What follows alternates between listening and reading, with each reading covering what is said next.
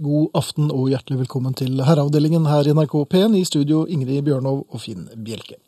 Hei, Ingrid. Hei, Finn. Du er Jan. Jeg er Jan i dag. Jeg har eh, iført meg Jans hodetelefoner, og jeg føler at jeg allerede er i ferd med å falle av stolen. Ja, du sitter litt jeg sitter litt ustøtt. Ja. Hvordan står det til? Eh, Jeg syns ikke det er så verst. Det er en liten Det er noe kulingvarsel mellom tenna. Jeg har vært hos tannlegen. Ai, ai, ai, Og det er der med tann, tannstein, det setter altså inn sju vintre i sånn helt, helt lokalt. Det var, så det må ha vært litt av en uke, med andre ord. Det har vært litt av en uke. Og du selv? Eh, takk som spør. Det var artig at du skulle bringe dette på bane, for Mm. jeg har vært på Ikea i dag. Gratulerer. Hvorfor det?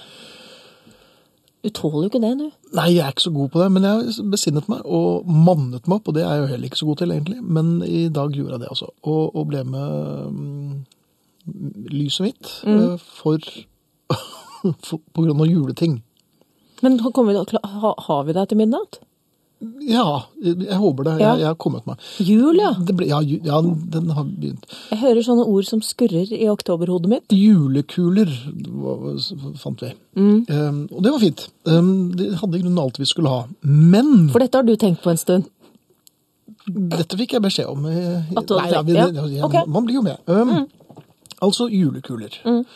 Det ble ganske stor vogn av dette her etter hvert. Og, og jeg, etter hvert så tenkte jeg Jeg følte meg vel ikke vel, men jeg følte meg det var greit. Men det er jo en del folk på Ikea. Ja.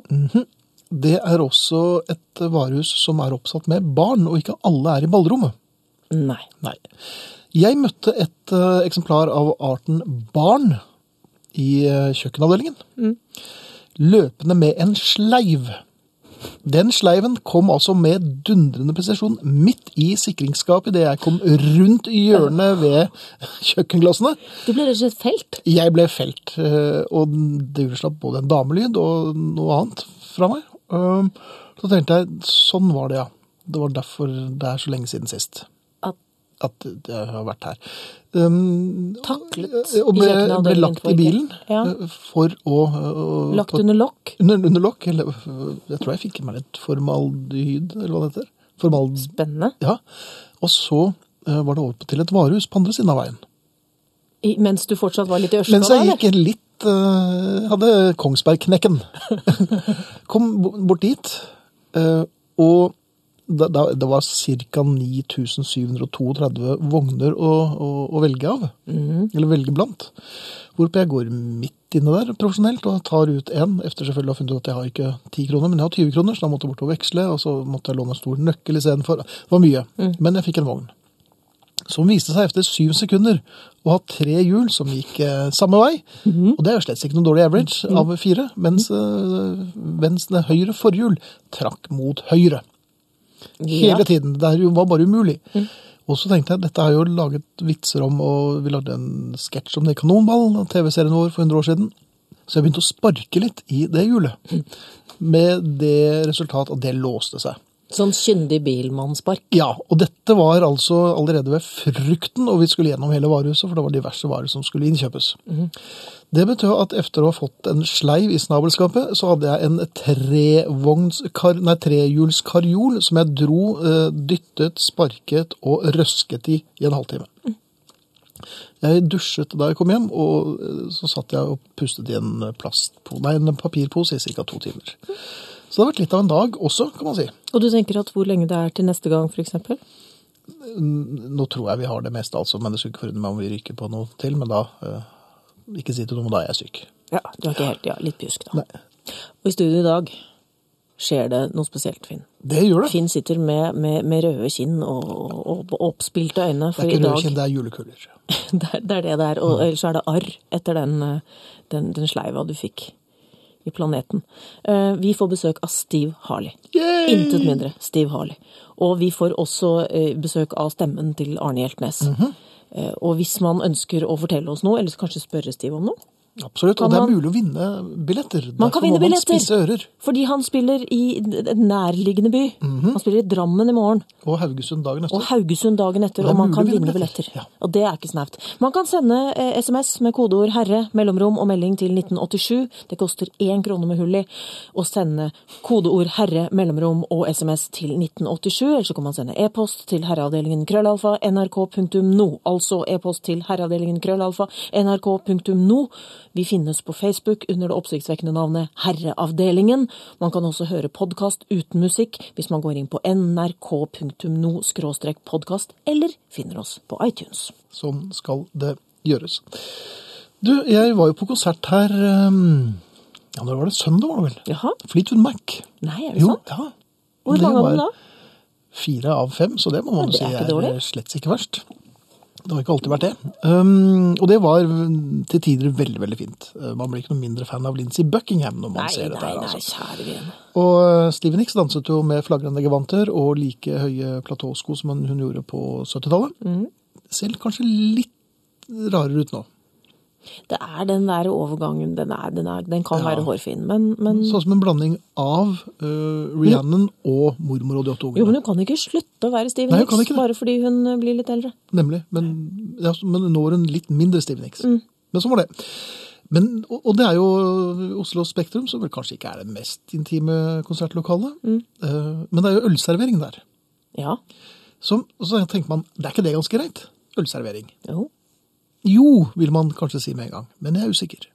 For det var, man satte seg ned, og folk gikk frem og tilbake under hele konserten. For man skal kjøpe mer øl og mer øl, og så skal man tisse. Og så skal man tisse mye, mye mer. Og forbi hverandre på stoler Ja, unnskyld, unnskyld, unnskyld. Og du vet, og det var jo et relativt Ja, man er jo Var det et voksent publikum? Ehm, Ja, det var det. Det var nok flere kids enn jeg hadde trodd, men det var primært For det er ikke sånn at du føler at det er noen sammenheng mellom altså, hyppigere, ja. hyppigere toalettbesøk? Jeg satt på nest beste raden når det gjelder inkontinens og tørst. Eh, Men det var én rad til høyre for meg som, som slo oss. Der var det enda mer fart. Der var det, der var det fart hele tiden gjennom hele konserten, som for øvrig varte i to, minutter og 40, nei, to timer og 40 sekunder. Nei, to timer og 40 minutter! En, en ordentlig konsert. Ja. Med, med, med trommesolo. Øh, Ja, men som det, det bør det være. på ekstranummeret. Ja, så det var noe med timingen, men det var kjempefint. Det var Kommer litt an på hvem de har oppkalt bandet etter. Skal vi se. Ja, men det var fint. Men poenget er at det var en som ble utsatt for verdens største finte. Og han begynte å bli lei. Jeg så det på kroppsspråket hans. at han liksom Passerer han litt sånn passerings, ja. passeringslei? Ja, litt passeringslei. Og etter passering nummer 379 så satte han seg litt sånn demonstrativt raskt ned igjen. Nå er jeg lei av å reise meg. Var det sånn at man måtte reise seg? Ja, man måtte det. Um, For han var ganske lang i, i, i stilkene, i bena. Eh, Men det han ikke var oppmerksom på, var at det kom et, eh, et buljongpar. Altså det kom først én dame, og så kom det én dame til rett etterpå. Da hadde han satt seg. Det Mellom, det, mellom to damer? mellom to Ja. damer. Det kom brått på henne, som trodde det var fri passasje. Så hun helte da altså en hel halvliter plastglass og det hele over hodet på fyren, som var relativt grønn fra før av.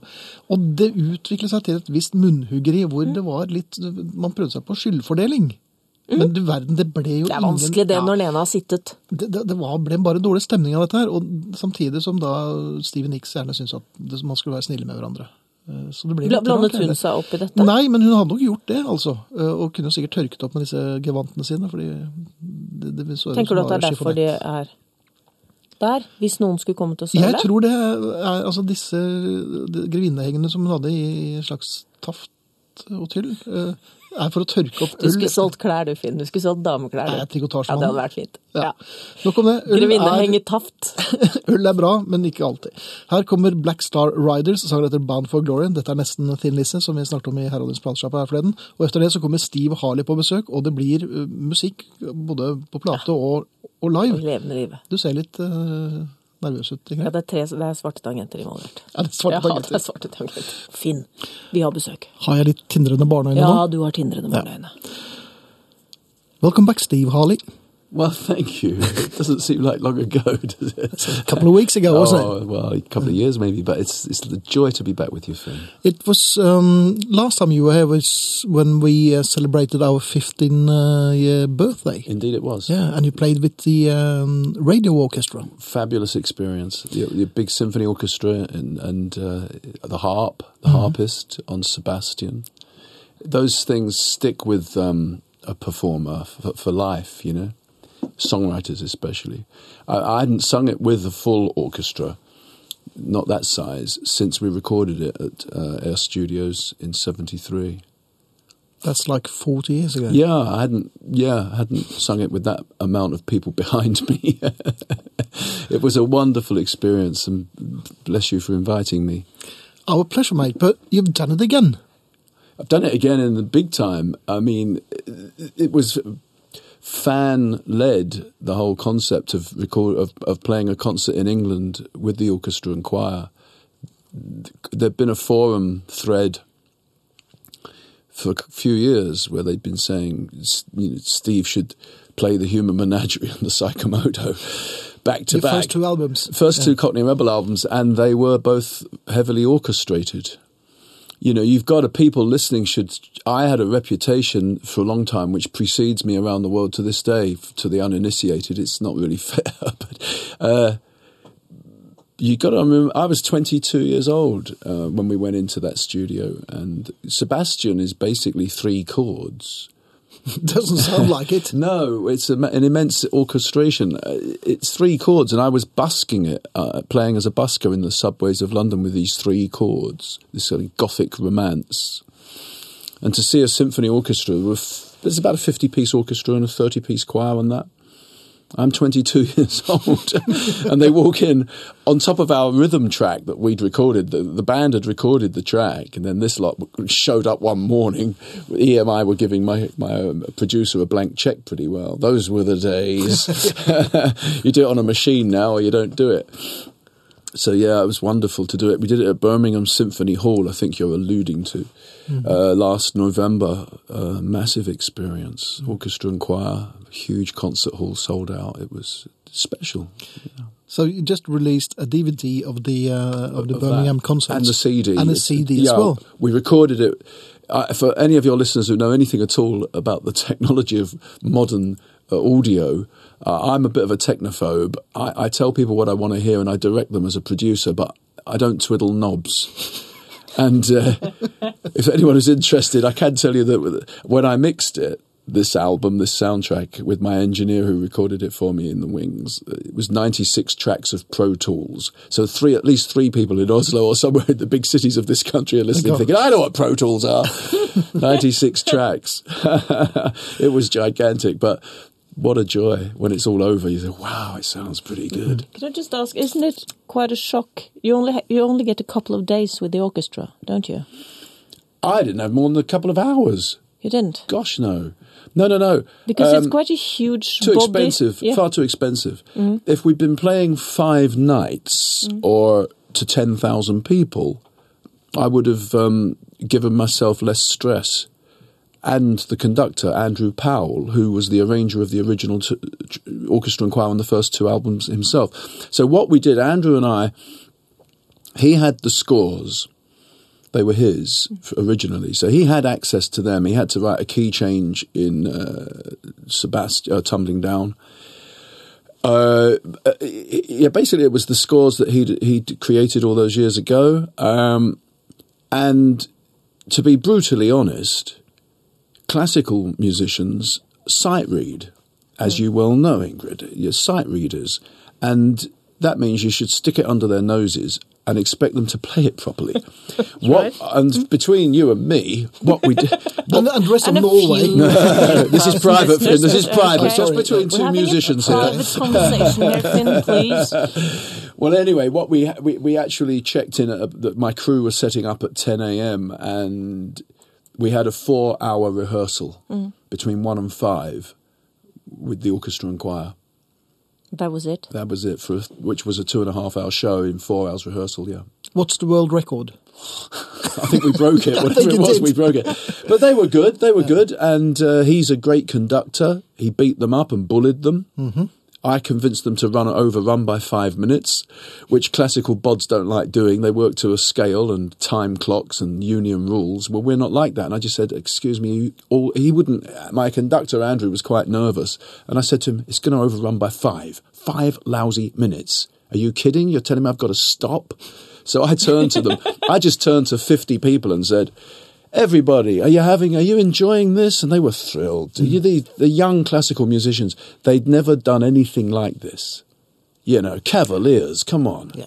Cavaliers, Ritz. They'd never played this sort of stuff. Never been in front of a, behind an eight piece rock band. And so I kind of politely laugh. Ju- I just turned on a little charm. I can do it, but I, Really? I don't have much. But I switch on what little I have. And I say, come on, guys, are you all right for five minutes? Can your dinner wait? And they were thrilled. They didn't care. Didn't- yeah, so there you are. The ups and downs of working with classical people. Of course, uh, we could talk about this for two hours, and we probably would if I We wasn't will. being such a bastard. But uh, I thought we'd have um, a listen to the album, uh, Steve, and uh, we're going back a, a long time uh, to a song called Mirror Freak, and I, I do believe that the band is uh, taking a, a breather. Eh? Yes, you've picked a track where Yeah, with the orchestra, which, sorry, the- which yeah. wasn't orchestrated. No, so, that's the five minutes. They wanted the five minutes back later, Yeah. so this is the song well, they, they all sat politely with their hands on their knees, watch, watching us go through. The lights went down on them, so they were in the dark. having But it's no just, a, it's just a brilliant song. Well, thank you, are yeah. still enjoying playing it? Oh, yeah, I, I there were songs in those two albums that I had literally never sung on stage since 73, 74. Never. So I had to learn the things because we promised to do them back to back in sequence. You know, Steve, you've been playing in Norway for a couple of days now, and you, you got a couple of more dates Yeah. uh, coming up. Um, where have you been so far? I came here from the, the frozen wastes of the north. Really? Wonderful. It's just people say to me in England that where are you going, and I say, "Um, do you know where I'm going? I leave tomorrow for 200 miles, 300 kilometers north of the Arctic Circle, and they're all so envious. You know, we went to Tromsø, Tromsø, yeah. uh, and then we, and before that we played Finnsnes, Finnsnes, okay. which was quite sort of in the in the sticks, the countryside, as it were. Mm-hmm. Uh, but Tromsø was a lovely town, big audience, city audience, which I enjoyed a lot. They were pretty sophisticated. Mm-hmm.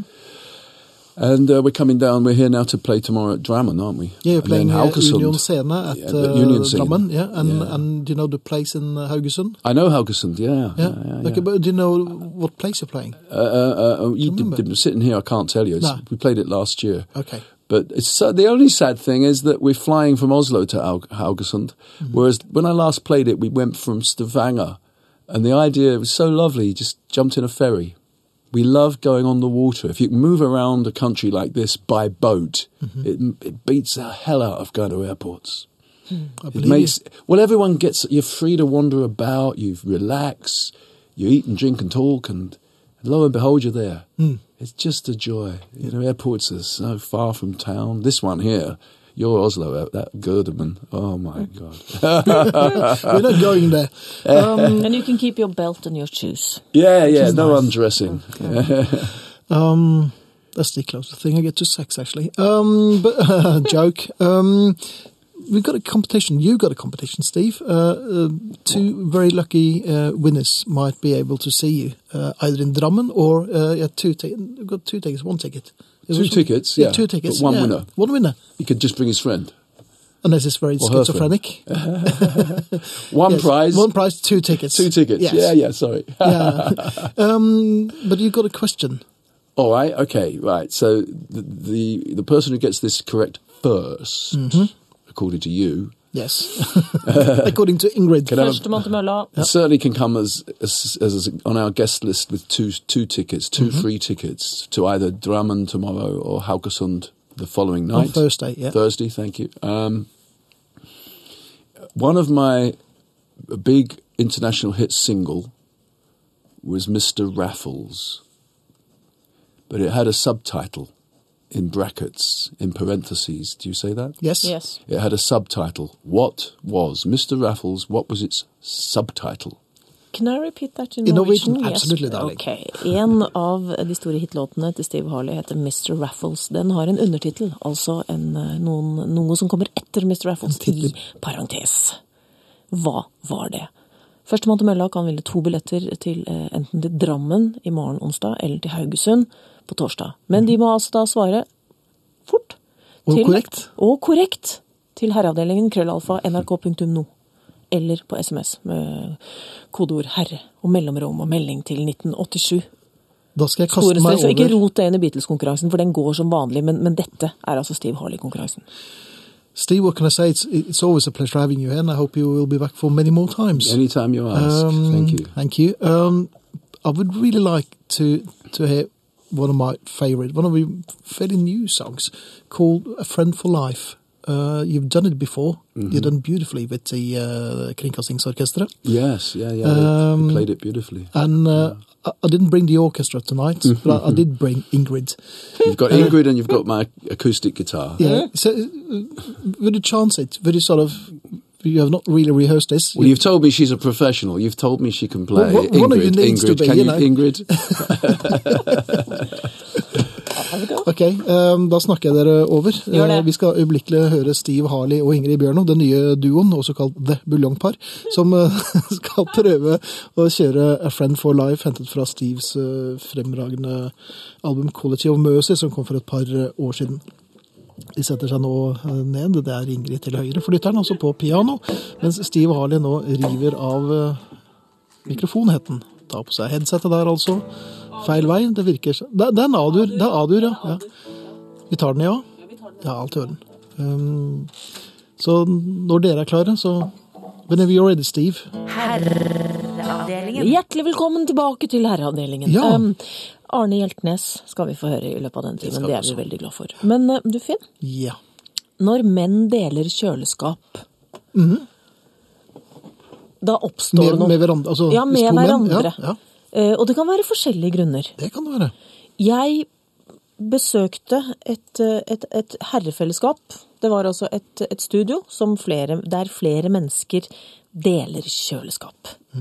De har ikke noe problem med å dele studio. altså Dette går fint. Ledninger og mikrofoner, yep. og du kommer torsdag, og jeg kommer tirsdag. Og de er venner og vel forlikt.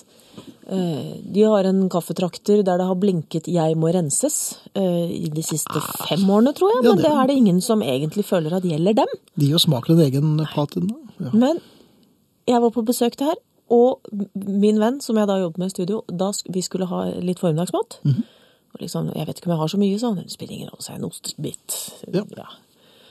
Eh, og frykten, altså hans kroppsspråk, da han skulle åpne den kjøleskapsdøra, Mhm. den var altså helt ubetalelig. Du vet når du åpner, og samtidig så legger du hele kroppsvekten din tilbake, for du vet ikke hva som skal komme ut. Eller kanskje du nest, nærmest vet hva som kommer ut. Ja, og du vet at hvis den døren går opp, så går den kanskje ikke igjen. Nei.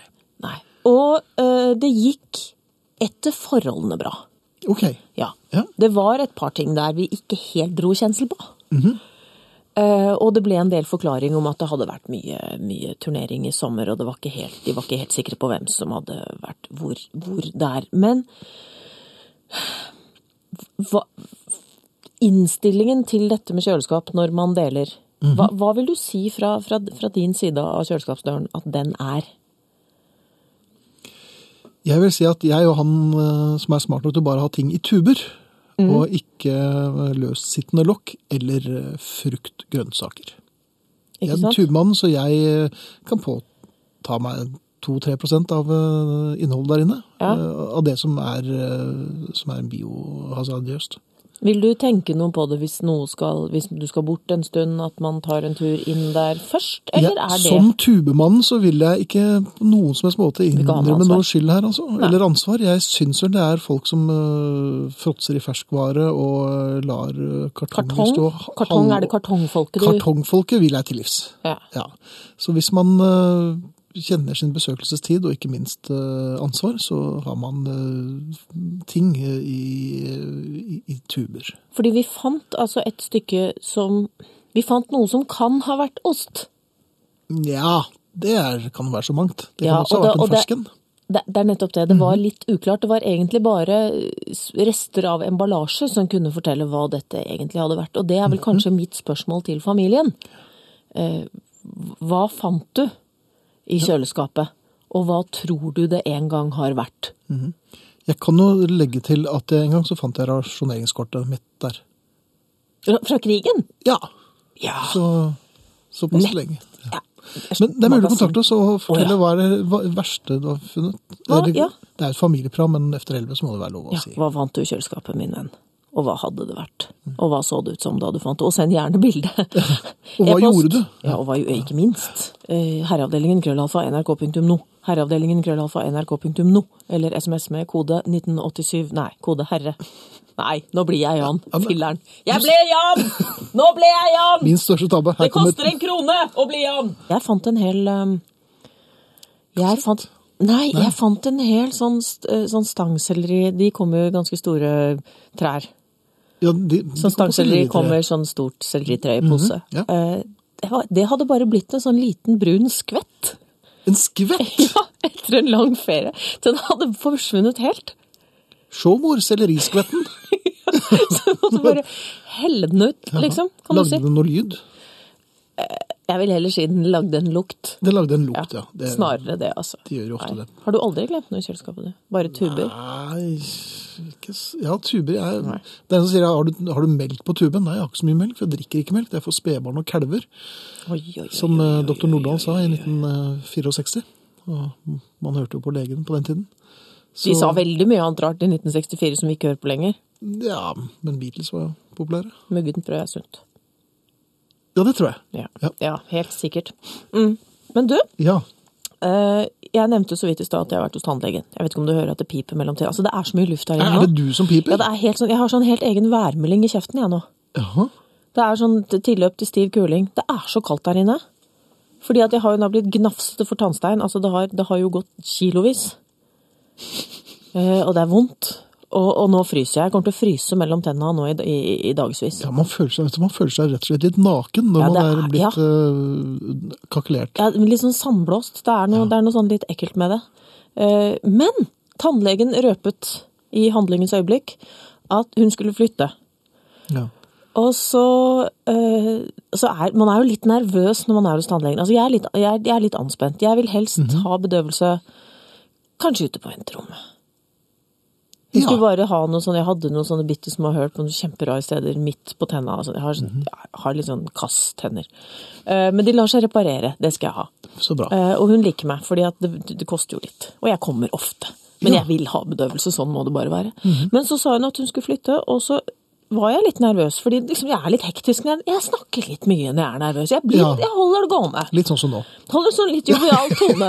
Holder en litt jovial tone. Og så spurte jeg skal du ha garasjesalg, spurte jeg. Ja. Og så tenkte jeg hvorfor ikke? Hvorfor har aldri tannleger og leger og sånn litt sånn gøy garasjesalg når de flytter? ja men hva? Proteser som ikke er blitt hentet og sånn? Munnbind? Ja. Hvite frakker? Ja, det kan jo være Ja, og litt sånn pirke, litt Ja, nå- nå- ja. pirkeredskaper. Jeg er helt sikker, for eksempel hvis du skal male vinduer og sånn, jeg er helt sikker på at det er noen sånn tannlegegreier. Sånn litt sånn liten Ja. sånn hjørneskalpell. Plak en plakkfjerner som kan ta sånn det innerste hjørnet. som kan ta Du får ikke sånne hvite striper sånn som du får litt når du maler vinduskarmer og ikke gidder å teipe. Nei, gidder og gidder. Det har kanskje vært litt uheldig. Det tar jo dobbelt så lang tid å teipe sånn, og Ja, lime, det, lime ja. sånn maleteip som det har. Ja. Burde ikke tannlegen ha garasje? Jo, Hadde ikke det vært koselig? Men da, du bør ikke ha store garasjer, for det er ikke noe, de har ikke store Kanskje snurrestoler? Gamle snurrestoler? Men bruker de der lenger. Og den fotpedalen de brukte for å sette i gang boret, Og de remmene. Mhm. Oi, oi, oi. som man ble bundet fast med etter hvert. Kunne legene hatt garasjeutvalg?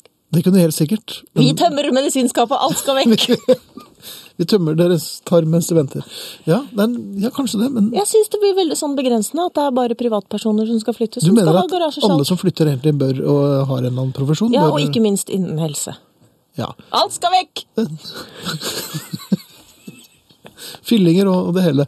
Eh, Men har du lagt merke til én ting når du er hos tannlegen? Mm. Og så Veldig ofte så ser man jo ut av vinduet. Ikke sant? Det er svært sjelden solen skinner når man å Jeg, jeg går an å hoppe ut her uten at de merker det. Oi, det er jo i syvende etasje. Men det, det er veldig ofte dårlig vær. Det er tannlegevær. Ja, Men det er fordi de har sånn frosta glass Nei, på vinduene. Hva slags vær var det her på Østlandet i dag? Ja, Men tannlegen min er i kjelleren, det er jo helt tette vinduer. Jo, men været var jo det samme, kjære. Ja, Men jeg så jo ikke det. Det var vått. Nei, men det var tannlegevær. Det er Det din skyld. Det bøtt, altså, jeg fartet jo litt rundt i dag. Det bøttet ned fra morgen til kveld. Det var fordi du var hos tannlegen. Det er ikke tannsteinens skyld Nei, at jeg fryser mellom tenna. Tannlegevær.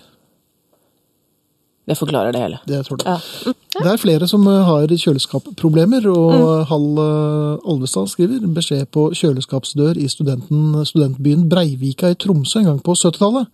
Til eier av osten som ligger der, blir den ikke fjernet innen lørdag, blir den avlivet. det er jo fint. Å, det er deilig. Eller så har Marit den her. Hei, eh, Ingrid og Finn. Jeg har et lite kjøleskap i kjelleren som jeg ikke bruker så ofte. For et par år siden satte jeg resten av juleribba i kjøleskapet første juledag, og glemte den inntil jeg fant den igjen til påske. Fint kapslet inn. Julen varer helt til påske, sier, sier altså Og Marit. jeg har noen venner som sendte ribba. De putta ribba i kofferten, de skulle ha med ribbe til Aten. Og så tok den kofferten en liten omvei. Ja, Ja. det er så fint. Det er spennende. Ja. Ja. Hvordan gikk det? Det ble vel både ny ribbe og ny garderobe, tror jeg. Og skulle ikke fremme meg om ny koffert. Men den aller, altså den aller beste kjøleskapshistorien jeg har hørt, den dreier seg om en fryser. Dette er en venn av meg som har hytte på en øy. Og så har det vært litt sånn uklare strømforhold, så strømmen kommer og går litt og sånn. Og så hadde altså denne fryseren da stått uten strøm ganske lenge. Så noen gode år med frysevarer hadde da samla, samling i bånn. Samling i bånn, ja. Ja. Så kom strømmen tilbake. De var fortsatt ikke på hytta. Eh, Så da utviklet det seg en sånn samling i bånn, Klump. klump Ja. av et visst format. Og det var ingen som turte å åpne det, det greiene der. Eh, Så løsningen ble altså at de eh, ringte og bestilte ny fryser. Den var veldig dyr, men grunnen til at de måtte ha den, det var at det inngikk i prisen at de skulle hente den gamle. Ja. Ja, så de fikk den gamle med klump. Det er ikke så Kan ha vært spennende. God kveld, Ingrid og Finn. Takk for tipset, Ingrid. Fant en pose kaffetrakterrens i skapet, og de siste fem år for husets mest trofaste innretning er herved historie. Men dæven for rabalder og nyseanfall! Var ikke helt forberedt på slike utbrudd, sier Egon. Det er, bare så det, det er bare helt fantastisk. Det er, altså, jeg tror det er seks mann som bruker det studio, og den har blinket, den der 'vær så snill og rens meg'. Den har blinket siden de kjøpte den maskina. Det er sånn hm, hva da? Hvem? Ja, rense. Hva er det? Er det den blinker? Ja, men skal blinke, den. Ja, Ja. jeg tror det. Når den blinker, er kaffen ferdig. Hm, jeg syns det. Efter tre år i Kotter, eh, jeg er litt usikker på det, fant jeg min gamle kjølebag som igjen skulle brukes til øl osv. I den fant jeg en rund leverposteiboks inne i en brødpose. Og leverposteirestene var blitt til sann jord, sier Trond. Rund leverposteiboks, det er jo ikke det du helst vil finne i eh, kjølebagen, altså. Og så får de sånn farve Det er det når de går rett fra leverpostei til en slags skokrem. Ja. Min mann fant strykjern i grønnsaksskuffen i kjøleskapet. Han strøk aldri klær. Takk, Takk for herlig program, sier Tale. Mor Bjørnov fant eh, etter tre ukers frenetisk leting etter eh, nøkkelknippet, så fant hun det i gryteskapet.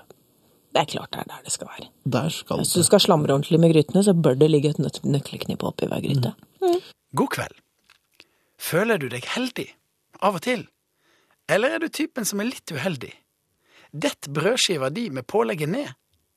Flaks eller uflaks er utrolig interessant.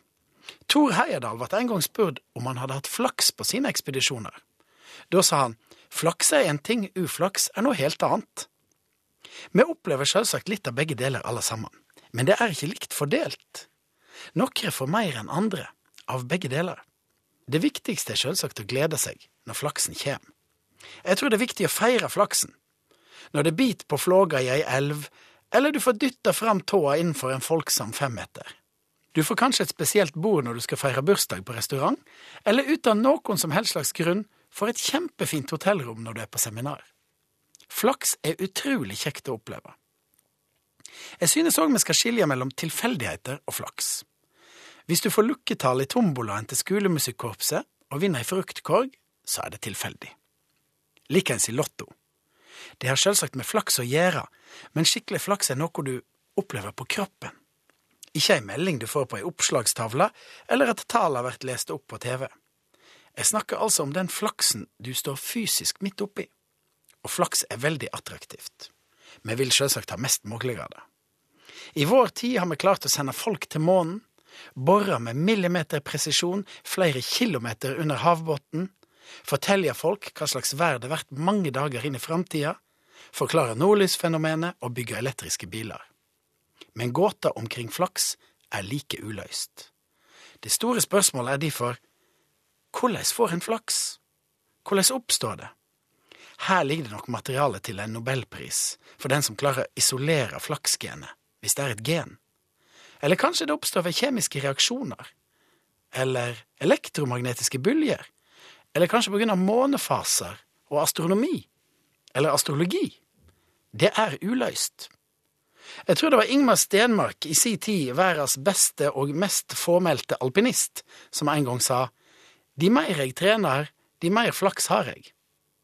Enn så lenge er det bare å holde øynene åpne og håpe at flaksen dukker opp som lyn fra klar himmel. Nei, forresten, lyn fra klar himmel, det kan du se på en app lenge før det kommer. For noen år siden var det en personaldirektør som fikk hele 300 søknader på en stilling. Han tok halvparten av søknadene og heiv dem i båskorga si og sa det er tross alt ikke folk med uflaks vi er på jakt etter. Herreavdelingen. Avdelingen. Finn, Ja. nå er det sånn litt sent, er det ikke det? Å nei, hva skal du komme med? Jeg er litt usikker, jeg har vært litt usikker på dette. Eh, men nå- nå det har har seg sånn at vi skal under beltestedet. Er det deg, Jan? Ja, det kan umulig være meg. nei, det kan ikke være deg. Nei, men saken er den at når det gjelder undertøy, Mhm. så er det jo sånn at etter en del år så får man sine favoritter. Og nå snakker jeg for eget vedkommende. Ja. Nå tenker jeg ikke undertøy på andre. Nå tenker jeg undertøy på en selv. Mhm. Og når det gjelder favoritter i en alder av når du er sånn 49 og tre kvart ja. Eh, Benedicte Adrian er for øvrig 50 i dag. Ja, gratulerer, gratulerer, gratulere Benedicte. Ja. Hoi, hoi. Hoi, hoi og hurraings. Ja. Eh, hun er utaskjærs, men hun skal hoies når hun kommer hjem. Ja, det håper jeg jo. Ja, Gjennomhoies. ja hun skal gi grundig hoies til helgen. Men eh, man får sine favoritter, og som alt annet så blir det jo gjerne litt sånn at man kjøper fler Er, er det når det er noe man er glad Er det deg, gamlisen? Ja. Det det er det det er i ferd med å bli. For jeg har, har også en sånn, sånn litt sånn grom, sånn litt, En litt god sånn bom, bomulls... Jeg ser du blir redd. Ok. Jeg har er en litt grom Ja. bomullstruse. Den er, den er rett den er, den er slett ikke verst, om jeg skal si det selv, og det må nok bli jeg som skal si Det er si det. nok du som skal det blir si helt feil hvis Ja. du skal blande deg opp i dette her, sånn sett. Men jeg har jo kjøpt et Jeg har gått for et visst opplag. Et Tylft. Nei. Jaha. Jeg har gått for såpass mange at at jeg har begynt å forklare. Du har et forklaringsbehov, ja? Ja. Jaha. Men hva sier man da? Nei, Man begynner i helt feil ende. Du hørte allerede der at det var noe som ble feil? Allerede da. Ja. Så blir det den derre eh, Hvis du lurer på hvorfor ja, Jeg skal kjøpe Nei. Det er veldig vanskelig å være. Det er veldig vanskelig å la være. Men vil, ville du mistenkt, hvis du f.eks. hadde en, en, en kompis du dro på trening med ganske ofte, og sånn, og så, så var det den samme, f.eks. la oss helt tilfeldig, samme Arsenal-bokseren, gang på gang på gang. Ville du tenkt at å, han tar sikkert på seg den når han skal trene? Eller ville du fått den litt ekle mistanken? Hvor jeg vet ofte? ikke. Jeg har kjøpt tre Arsenal-trøyer eh, som jeg bruker på treningen. Og, så folk ser meg stort sett ikke noe annet enn Arsenal-trøye. Og de tenker sikkert også sitt. Mm. Men jeg vet jo at den kommer rett fra skuffen. Den er uh, mint condition og fresh. Mm. Men uh, Sokker, da? ja, er Jeg kjenner veldig mange herrer som liksom går for sånn, ja, en pall. Unnskyld? Ja, en En pall. pall, Ja, ja. Men det, For da, det da slipper slipper du greit. den sorteringa og alt det der. Ja. Men jeg tror, sokker tror jeg er ganske greit. Underbukser usikker. Eh, Truser til kvinner veldig usikker. Syns Men- du 15 er veldig mange? 15 syns jeg er veldig, veldig, veldig mange, Ingrid. Vær så snill. Ja. Hvis det er noen der ute som har minst 15 av favorittrusen sin, Mhm. så vær så snill å bare send bitte liten e-post. Ja. Herreavdelingen krøllalfa nrk.no. Subsidiært kan jeg anbefale tyngre medisinering. Ja, det var det jeg var redd for. Hei, Ingrid og Finn, takk for fint program. Jeg har sikkert 30 stykker av samme slag, sier Karin, som antakeligvis da tenker på din, ditt innspill om uh, truser. Ja. Ja. Uh, og så skriver gift mann med handlesyk mor følgende. Min mor har en årrekke hva var det han sa? Gift mann med handlesyk mor? Ja. Min mor har en årrekke fulgt nøye med på halvprissalget av undertøy hos Bunnpris. En gang på 90-tallet påpekte jeg at jeg hadde litt for få boksershorts. Det har jeg ikke i dag, og det tar ikke slutt. Jeg vedder på at jeg har mellom 40 og 50. For øvrig kjøpte jeg stilige boksershortser til bryllupsnatten, da jeg trodde sexy undertøy var obligatorisk for begge kjønn. Dette viste seg å være feil, men jeg har da fortsatt bokseren i upåklagelig kvalitet. Jeg giftet meg i 2002. Jeg vet ikke om det er en moral eh, her. Så Nei da. Giftesyk mann med handlesyk mor Nei. Ja. Gift, ja. Ingrid og Finn, jeg har foretatt opptelling i underbukseskuffen og Ah. kom til 24 Dovre underbukser med for slapp strikk rundt livet. Nettopp. Jeg vurderer å samle hele ceramitten i en postpakke og returnere dem til produsenten. Kanskje på tide å skifte merke? Hilsen Bjørn, som har det til felles med Finn at han heller ikke drikker melk. Og Ingrid, hva ble resultatet av auksjonen på søndag for ditt vedkommende? Du har jo solgt deg som et femøres. Ja, Ja. men jeg håpet jo å, nå, å komme litt over det. Ja, det ja, og det vel. var veldig mye snakk om kilopris. Jaha. Det var noe av det første som kom opp. Det var eh, du må og Dette bør er TV-aksjonen. det- det Ja, det var. TV-aksjonen, og jeg la meg skamløst ut for salg Mhm. til en privatkonsert, og så ble det eh, Og det begynte sånn litt rolig. Eh, og så fikk jeg beskjed om at jeg burde prøve å komme meg over kiloprisen på villaks. Ja, og den er jo ganske stiv. Ja, den er det, Ja. men ikke så høy som breiflabb. Så passerte jeg bre, bre, breiflabb. Ja. Jeg tror faktisk jeg passerte hummer. Eh, andebryst. Eh, jeg landa på 60 500 kroner. Det syns jeg er slett ikke verst. Hm. Men jeg sa at jeg også kunne eh, rense rips. Ja. For det er ganske god til, som med gaffel. Det er klart Når du sa at du kunne gjøre dette i bar overkropp, så gikk jo prisen noe opp. Det virket litt desperat, men det gikk til en god sak. Jo, jo. Hm. Men det får, det får så være, altså. Men skal Har du sånn Arsenal Ja. Jeg har, du vil ikke vite hvor mye jeg har. Arsenal. Nei, det hjelper ingenting, for de taper jo kamper igjen. Men sånn er det. Vi har en melding. Vi har en melding til Felleskjøpet på Ås. Kjære Felleskjøpet på Ås, kan ikke dere være så snill å gjøre ferdig den traktoren nå? Det er bare en frontlaster og noe hjul som skal se litt annerledes ut, men kan ikke dere være så snill? Nå ligger den i fosterstilling ute i garasjen, og jeg får ham ikke i tale før den traktoren kommer, og jeg vil ikke at du skal følge med noen truse. Jeg vil ikke ha noen bokser med traktorlogo på.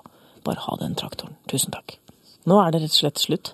Det er det. Og neste uke er Jan tilbake, tenker jeg. Det vil jeg tro. Ha det, Finn. Ha det, Ingrid.